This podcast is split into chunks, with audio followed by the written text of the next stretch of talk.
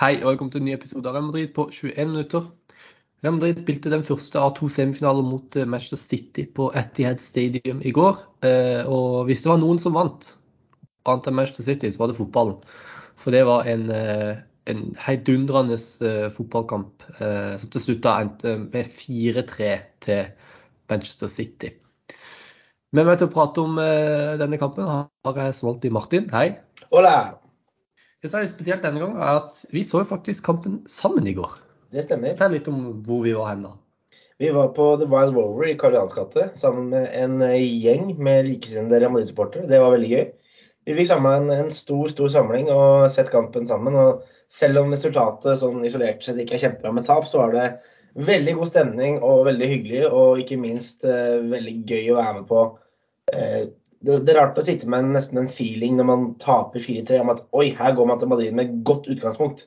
For Det var nesten den feelingen man fikk på slutten av kampen hvor folk var så fornøyde med ja, Det var jo kampen som helhet, men også måte, prestasjonen og hvordan man hadde kommet tilbake fra en veldig dårlig start. Mm. Ja, eh, veldig gøy å se så mange Madrid-sportere. og Vi regner med å gjøre dette her eh, også i framtida. Så det er bare å, å, slenge seg med når, eh, når det, vi har et sånt event eh, neste gang. Over til matchen, da. Eh, det var jo litt usikkerhet før kampen om hvem som skulle starte. Jeg tror det var også veldig mange Real Madrid-supportere som var ganske pessimistiske, og med rette, for Manchester City er jo av mange regnet som verdens beste fotballag. og er det én ting eh, man kan si med sikkerhet etter kampen i går, så er det at Manchester City de er et skikkelig, skikkelig godt fotballag. Mm. Eh, det satt jeg flere ganger og tenkte bare uff, fy søren, hvordan fikk de til det der? Eller hvordan så de den pasninga der? Eller hvordan endte han spilleren opp der? Han var jo nettopp der. Uh, de har noen uh, løp og sånn der off-ball movement som bare er helt spinnville. og Altså, det er ikke bare Real Madrid som ikke klarer å forsvare seg mot det, det er alle lag i verden. Uh, og de, de, er virkelig et fantastisk fotballag. Så det å komme fra, fra Etiet Stadium med, med bare ett måls det er jo i utgangspunktet ikke så eh, dårlig, spesielt med tanke på som vi sa, vi var litt usikre på hvem som skulle starte. Litt sånn shaky hos begge lag. Eh, Alaba ut i pausen og ingen Casemiro. Hva tenker du om det sånn, før vi går inn og prater om målene og, og sånn der? Først og fremst, hva tenker du om et 4-3-tap på et Stadium? Altså, hadde jeg fått tilbudt før kampen i går eh, hva tenker du om å tape 1-0 på Etiad, så hadde jeg sagt at ikke ideelt, men det absolutt uh, doable. Det var jo akkurat samme man hadde når man dro hjem fra Paris. Da, og 0-1, men da var det jo en sånn en emosjonelt mye kjipere kamp. For da hadde man egentlig spilt mm. en dårlig kamp, og så slipper man inn på slutten med sånn derre åh, der røyk det. Uh, her får på en måte Real Madrid varma opp med en sånn mini-remontada, hvor man da ligger under 2-0 før det er spilt et kvarter, men fortsatt uh, kaller reise hjem med æren i behold. Um, og nesten Pep Guardiola er mer misfornøyd enn Carlo Arcelotti. Og jeg, jeg, reagerte på det. Maningen til den returkampen på Santiago Bernabeu den begynte jo et kvarter kampslutt i går. Så den stemningen som kommer til å bli i Madrid i hele den dagen, kommer til å være helt sinnssyk. Så nei, eh, ikke ideelt med tap, selvfølgelig, men eh, det kunne vært langt verre. Ja, og eh ja, jeg er litt enig med det at eh, det handler litt om hvordan man går ut. ikke sant? Hvis man først skal gå ut, så skal man gå ut med litt eh, verdighet, med litt, som du sier, med æren i behold. Eh, hadde man røket ut mot PSG, så hadde man ikke gått ut med æren i behold. For det var en forferdelig fotballkamp mm. av Real Madrid. Men i går så syns jeg Altså, det er jo kaos bak, bak ja, ja. det. er elendig forsvarsspill, og City kunne sikkert skåret ti mål. Men man spilte bra offensiv fotball. Eh, skapte en del sjanser, ikke like mange sjanser som City, men det er det vel ingen som gjør. Og skårte noen eh, flotte mål. Så jeg føler liksom at hvis du tar det eh, under ett, så er det egentlig ikke så Det er ikke så dårlig resultat. Det er et resultat det er absolutt mulig å snu. Og altså, Real Madrid kan vinne 1-0 på Santiago Bernabeu, og det blir ekstraomganger. Så det er ikke umulig. Og så tror jeg nesten Real Madrid har litt godt av å være under på første kampen. Mm. Uh, altså, du så jo hva som skjedde på Santiago Bernabeu da Real Madrid leda. Hadde to målsledelse mot Chelsea. Det, de sa noe sånt at det, det, er noe som aldri har blitt snudd før i Champions Leagues historie. Altså, som jeg begynte på 90-tallet en gang. Eh, at et lag har snudd et oppgjør etter å ha tapt 3-1 på hjemmebane. Eh, og Real Madrid holdt på å gjøre det. Og det syns jeg sier litt om at Real Madrid med en gang de får eh, det presset på seg, så blir det ganske Altså, de Bernabeu-publikummet kan være den største styrken, men det kan også være den største svakheten til Real Madrid. Mm. Det kan være den største styrken når de trenger det, men det kan også være når de føler seg komfortable, eh, den største svekkelsen, fordi at de får det presset. Mm. Selvfølgelig skal vi gå videre nå. Det er en skummel følelse å ha. Eh, så eh, det å ha de på en måte i ryggen istedenfor å ha forventningene de sine, det tror jeg er en, er en positiv ting for Real Madrid. Absolutt. Uh, uh, ja, jeg sa til deg før på det også at jeg tror kanskje ikke det blir så mye taktikkprat i dag, fordi det var ikke så mye taktikk. Det, eller, det, det, klart det var mye taktikk, men jeg følte egentlig at uh, hvis det er ett ord som oppsummerte denne kampen ganske godt, så var det kaos. Uh, så jeg tenker at uh, det blir litt gøyere å prate om kaos enn det er å prate om små taktiske intriger. Så da prater vi om kaos.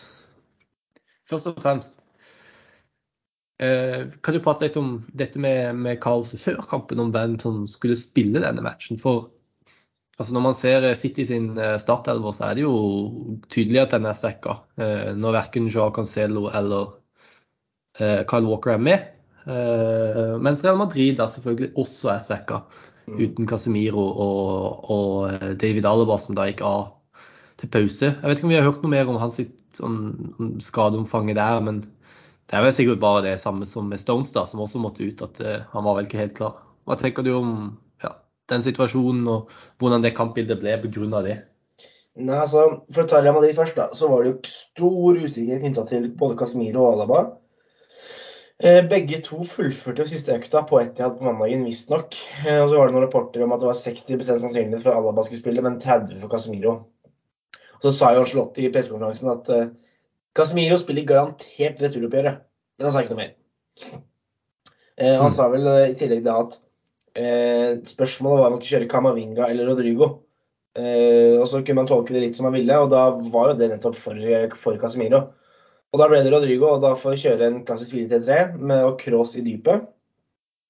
Og så er det som du jeg snakka sammen under kampen i går, at det er jo ting med cross og anker som hvor du tenker åh, det er digg at man ikke har Casemiro, og så tenker du oi, det er som å ha Casemiro.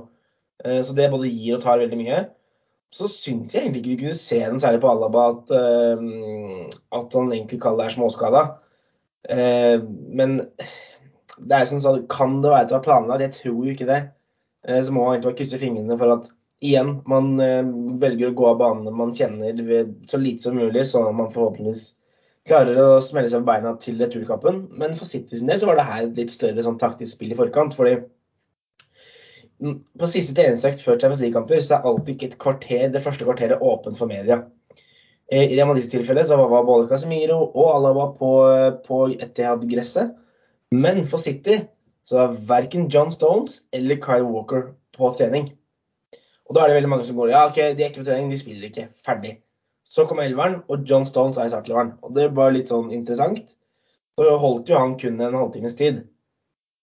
Eh, og Fernandinho kom inn og eh, fikk jo bl.a. oppleve mm, Venezia Junior sin Gareth Bale-etterligning fra 2014. Så eh, nei, det, det, ble et veldig sånn spennende taktisk spill nesten på hvilke lag man skulle komme med. Og ingen lag klarte å stille 100% toppa. Nå er det egentlig det eneste spørsmålstegnet som det ikke kommer noen skader i helga. For begge lag skal vel egentlig da være om City har Walker tilbake, og om Alaba rekker den kampen også. Eh, så det blir ekstremt spennende å se hvilket lag de mønstrer på um, Santiago Bernabeu om en drøy uke. Og ja, den kampen der blir jo som sagt et fyrverkeri. Ja, definitivt. Eh, det er nok et helt annet Manchester City vi kommer til å se når de har eh, backene sine tilbake. For ja, altså en av de viktigste offensive spillerne til Manchester City er jo Joao Cancelo. Så de blir nok et helt annet lag. Nå, spilte egentlig Sinchenko en ganske god kamp, syns jeg, i går for Manchester City. Men eh, mm. uh, allikevel uh, ingen tvil om at uh, de er et annet lag med Joao Cancelo på banen. Absolutt. Ja, skal vi ta skåringene? Bare prøve å gå gjennom de én etter én. Iallfall ta de viktigste. Eh, den første til De Bruyne, eh, som jo kom etter ett minutt. Jeg tror det satt litt sånn satt litt stemninger, da. Hva slags kamp de kom til å få. Flott innlegg av Riyad Mahrez, Kevin De Bruyne, som er helt umarkert. Altså, jeg tenker at vi visste at Manchester City var gode til altså, off-ball movement, men altså, den var ganske lett å plukke opp. Mm. Uh, og at City Jeg tror nok ikke at City trodde det kom til å bli så lett å skape sjanser mot uh, Real Madrid. Det var en kombinasjon kanskje av Fedrico Valverde som ikke hang helt med på det brøynet, og også Carvahall som uh, ja, for første av to ganger i denne kampen ble ja, altså, var altfor bredt. Forsvart seg altfor bredt og kom ikke inn i tide. Minner litt om kanskje den der skåringa uh, til Kai Havertz på Stamford ja, Bridge. Absolutt. Faktisk. Inn bak ryggen for Militao, altså, det er jo et lurt løp. fordi Man kan uansett si at Militao skal ikke, ikke ha den, men i hvert fall gjøre enda bedre jobb på den. for det er jo et måte, Han er sånn tett på Militao at man kan for så vidt forstå at det tar bitte litt tid for Carvahall å oppfatte at det her blir hans mann. Mm. Eh, så det er et veldig klokt løp, ja. Men eh, så enkelt skal man ikke slippe inn i en semifinale Champions League, egentlig uansett. Nei, og det er noe med det også å la Riyad Mahrez stå umarkert på 20 meter og kunne gjøre hva han vil. Det, da ber du jo om trøbbel. Ja. Eh, så det i seg sjøl er jo ikke godt nok, da. Og der er det godt mulig at Casemiro hadde løst den rollen litt bedre. Den andre kommer jo fra Gabriel Jesus den, det er jo den som ofte nevnes som Vi prata litt om det før også, at uh, alle var sin feil, da. Uh, hvor det er militær som blir uh, strukket langt ut fordi at Carvahall blir uh, altfor høyt i banen og blir avslørt sånn sett. militær må ut og dekke. Carvahall vet ikke helt hva han skal gjøre og er i helt sånn ingenmannsland i noen sekunder der, som gjør at Alaba til slutt får to angrepsspillere å dekke inn i boks. Jeg husker ikke hvem den andre var, men den ene var iallfall Gabriel Jesus. Mm. Uh, går fram for å støte uh, og bommer jo litt på ballen, da. Som til slutt havner hos uh, Gabriel Jesus som er iskald. Hvor mye skyld vil du legge på David Alaba der? jeg syns jo det er altså, Jeg følte jeg var litt, litt åpenbar. Jeg mener at det er flere feil i den sekvensen der, altså. Ja, altså det er jo en, en situasjon hvor en følgefeil på følgefeil på følgefeil setter Alaba i en ekstremt vanskelig situasjon. Mm. Så kan man sånn sett si at uh, La meg si det sånn, da. jeg tror at en Sergio Ramos i absolutt toppform hadde kommet seg foran og brutt den. Men det blir bare spekulasjoner. Og jeg, synes, altså, jeg ser jo Whoscore som vi snakka om, de har jo den skåringen nede som en personlig feil av Alaba. Uh, det syns jeg blir ganske strengt. Så man kan si at Alaba kunne gjort en bedre jobb, men uh, igjen, han, i, han får ekstremt vanskelige vilkår. Mm. Ja, definitivt. Eh, han ble jo altså bytta ut også etter pause, så det er tydelig at han ikke hadde den beste dagen på jobben. Men eh, ja, kanskje det var litt strengt å si at det var en, en feil som ledet ja. direkte til mål. Så kom jo Real Madrid sin første skåring. Eh, Karim Benzema med ja, altså, hva skal man si? En avslutning, i Ja, men Dy også med et flott innlegg. Uh, det er jo artig det at uh, seriøst i podkasten etter at jeg sa at Mendy ikke har levert noe som helst produktivt, uh, offensivt. Uh, denne sesongen så leverer han to mål pasninger. Det er jo alltid gøy. For en skåring. Hva skal man si? Altså, den er så ufattelig vanskelig å få på mål. Han setter han mellom beina på Sinchenko, på helvolley med venstrebeinet fra ja, hva er det, 16 meter eller noe sånt. Ja, det er noe sånt. Og så får han Ja, det er med, med feil bein mellom beina på Zinchenko. Uh, og det er på centimeter utenfor rekkevidden til Ederson. Og da må den gå stange stang inn. Uh, og ja, det, det, er så perfekt teknisk utført at uh, det er helt vanvittig. Ja, det var verdens beste spiller i aksjon nok en gang. og han Han var ikke ferdig der. Vi kan ta den neste City-skåringa først, da. For det var jo nettopp Fernandinho Uh, jo, var det ikke det? Det var den neste skåringa, var det ikke det? Jo. Det var jo det var, det var så mange skåringer at jeg husker ikke helt i hvilken rekkefølge de kom lenger. Det var uh, Fernandinho som uh, Han fikk kjørt seg litt senere i kampen, men han starta egentlig ganske bra som høyreback. altså Klarte seg brukbart og vant ballen høyt opp i banen. Og det var jo egentlig akkurat det han gjorde på den skåringa som han gjorde senere i kampen, som kom til å, til å føre til en Real Madrid-skåring. Uh, vinner ballen ved å være aggressiv og støte foran Venicius. Eh, og står et eh, flott innlegg til en fullstendig umarkert Phil Foden på bakerste stolpe. Det, er altså, det er helt utrolig hva slags forsvarsspill Real Madrid drev med i går. Og komme unna med å slippe inn eh, fire mål, jeg syns jeg fortsatt er litt overraskende. For, altså, Carvajal er jo på svømmetur i Madrid eh, på det innlegget der. eh, Og Phil Foden får stå helt umarkert og sette ballen i mål. Det er rett og slett katastrofalt forsvarsspill av av Carvajal og Real Madrid. Har du noe mer å legge til der? Eh, nei, ikke annet enn at eh, altså, Det er som du sier, det var så mye skåringer og så mye hendelser i går at akkurat når skåringene kom, det har jeg sånn noenlunde kontroll på. Men veldig mye sånne andre hendelser, det er bare smelta sammen. Men det var jo en gang andre gangen der hvor eh, City burde hatt sitt femte. Eller som da ville blitt det femte. Uh, hvor Carvahal faktisk er den som redder skåringen uh, i form Mm. av blokk. Og Det er jo kombinasjon både av hell og, og prestasjon. Uh, så jeg, jeg kan anta at Whoscore har lagt veldig vekt på den klareringen, for de har Carvahal notert ned som Real Madrids tredje beste spiller i går. Oi! Mhm. Fy søren, det er merkelig. Ja ja. Nei, det er greit, det. Ja, men de har eh, vektlagt, eh, vektlagt den eh, veldig mye, ja. Det har du rett i. Mm. Uh, ja, så, men så var det Real Madrid sin tur. Sto tilbake Det var vel bare et par minutter eller noe sånt der. Uh, hvor eh, Fernandinho prøvde seg på akkurat samme. Pasning fra Mendy mot Venicius. Denne gangen, Venicius, smart som han er, uh, lot ballen gå gjennom beina sine. Og også gjennom beina til Fernandinho. Eh, og da var det ingenting brasilianeren, eh, altså den brasilianske høyrebekken, eh, kunne gjøre. Og uh, Venicius løper eh, en halv banelengde før han setter ballen forbi en annen brasilianer Ederson i mål.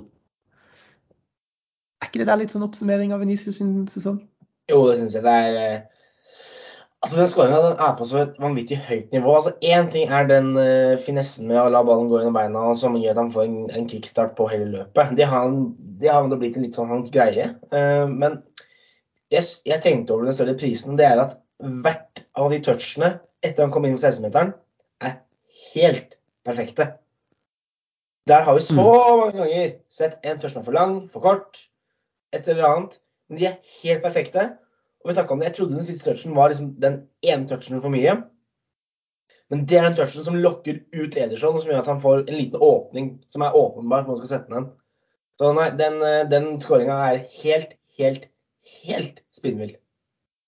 Og hvis det da var noen tvil om at uh, Venicius virkelig har blitt en av altså, altså om det var noe tvil om at dette her med Venicius sin form var permanent, eller om det bare var midlertidig form, så syns jeg det jo sier litt da at vi nå er i altså vi er snart i mai. Uh, og Venezia Junior gjør dette her i en semifinale i Mm. Champions League mot Manchester City. Da tror jeg vi trygt kan si at dette her er noe som har vart sesongen gjennom. og det er ingen tvil om at Venezia faktisk har tatt disse stegene. Ja. Det, er ikke, det er ikke midlertidig form. Absolutt. Uh, En annen spiller som ikke uh, bare har noen midlertidig god form, men er en fantastisk fotballspiller, er Bernardo Silva. Eh, For det var ikke mange minuttene som gikk før Bernardo Silva skårte 4-2 eh, med en flott skåring, som jeg syns er litt rar også. Eh, Det er Kaas som først feller Zinchenko. Og dommeren er i ferd med å blåse frispark, men det er fantastisk bra dømming i den situasjonen der, det må vi bare si Ja, ja, som lar spillet gå videre, ser at den ballen havner hos Bernardo Silva. Passivt Real Madrid-forsvar, som lar han egentlig Det er Danny Carvajal igjen. eh, Egentlig bare lar han spasere inn i Real Madrid 16-meter og få et eh, ganske upressa skudd. Og jeg tror til og med Courtois er overraska over at han kom til et såpass enkelt skudd. Eh, For han hang ikke med i svingene der. og ja, det, er et hardt skudd som kommer fra ganske kloss hold. Men jeg syns, jeg syns ja, i beste fall, for å være litt grei med han, at han kanskje burde ha vært der. Ja, altså, det, er, det, er, et godt skudd, men her blir det litt sånn Jeg tror egentlig alle i den bakre kalde femmeren til Real samme Courtois, forventer at det skal blåses. Uh, og det gjør at de nøler i eh, noen tiendedels sekunder, og det er nok. Mm. Og du ser jo Courtois, han blir sånn Hva i helvete skjedde nå? Og klart, For en keeper Den brutale faktoren er en keeper skal ikke slippe inn mål i nærmeste hjørne. Det er det Courtois gjør. Så uh, vi, har, vi, har, gitt han ekstremt mye skryt hele sesongen, og det med, med rette. Men uh, akkurat den skåringa der, der kunne jeg gjort en bedre jobb. Og så, som du sier, det må trekkes fram. Det er lenge siden jeg har sett en dommer gjøre så ekstremt mye korrekt som godeste Kovacs gjorde i kampen i går. Du har den fordelen der til eh, Bernardo. En situasjon vi kommer straks tilbake til. Men jeg syns også igjennom hele kampen så takla han både spillere Han hadde jo en situasjon med Pep Guardiola og Pep holdt på å rive av han hodet. Men som han også takler veldig godt. Og han skaper både mm. flyt i kampen uten at han måtte bli veldig stykka opp med frispark. Og det er ikke noe sånn at korta flagrer. Det er to gule kort i hele kampen. Eh, og holder, både, holder en ekstremt fin linje. Og det, som sagt, vi var veldig på, altså jeg, veldig på kritikk når det var den Sevilla-kampen. Men her må man rett og slett bare fram med, fram med applaus, fordi det er en vanvittig bra dommerprestasjon. Mm, definitivt. Ja, og så eh, tilbake til verdens beste fotballspiller. Eh, Bomma på to straffespark i helga. Det var den situasjonen du prata om, hvor han eh, Eh, hvor Real fikk straffe for eh, en veldig lignende situasjon egentlig som den til Diego Carlos.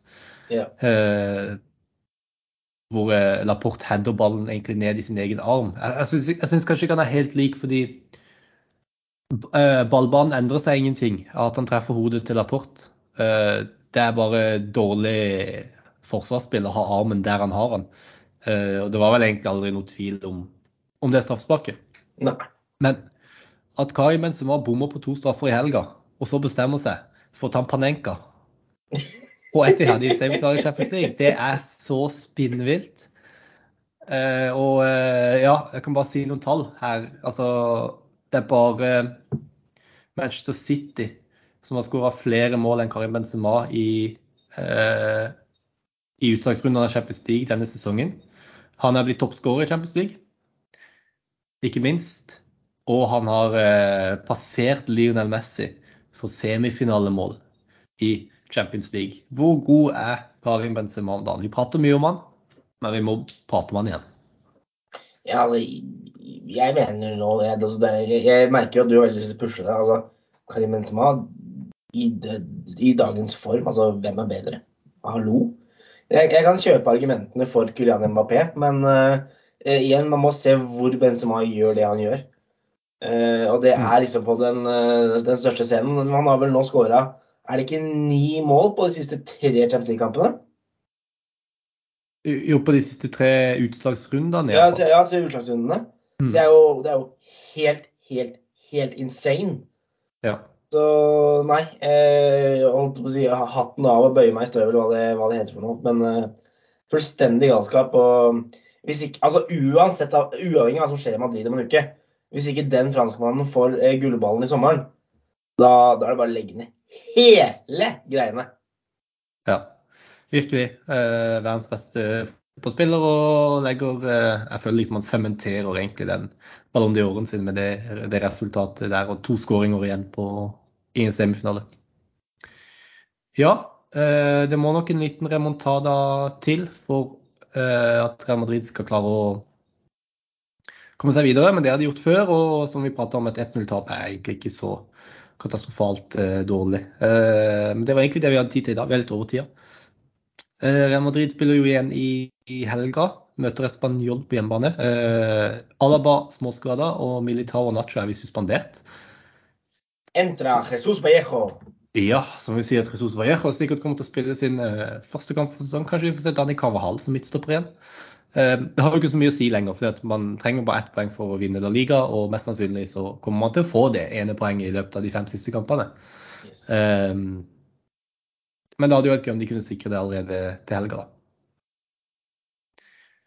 Ja. Eh, takk for at du var med i dag, Martin. Det var til tross for kampens resultat en sann glede. Takk til alle dere som hørte på, og til neste gang, à la Madrid.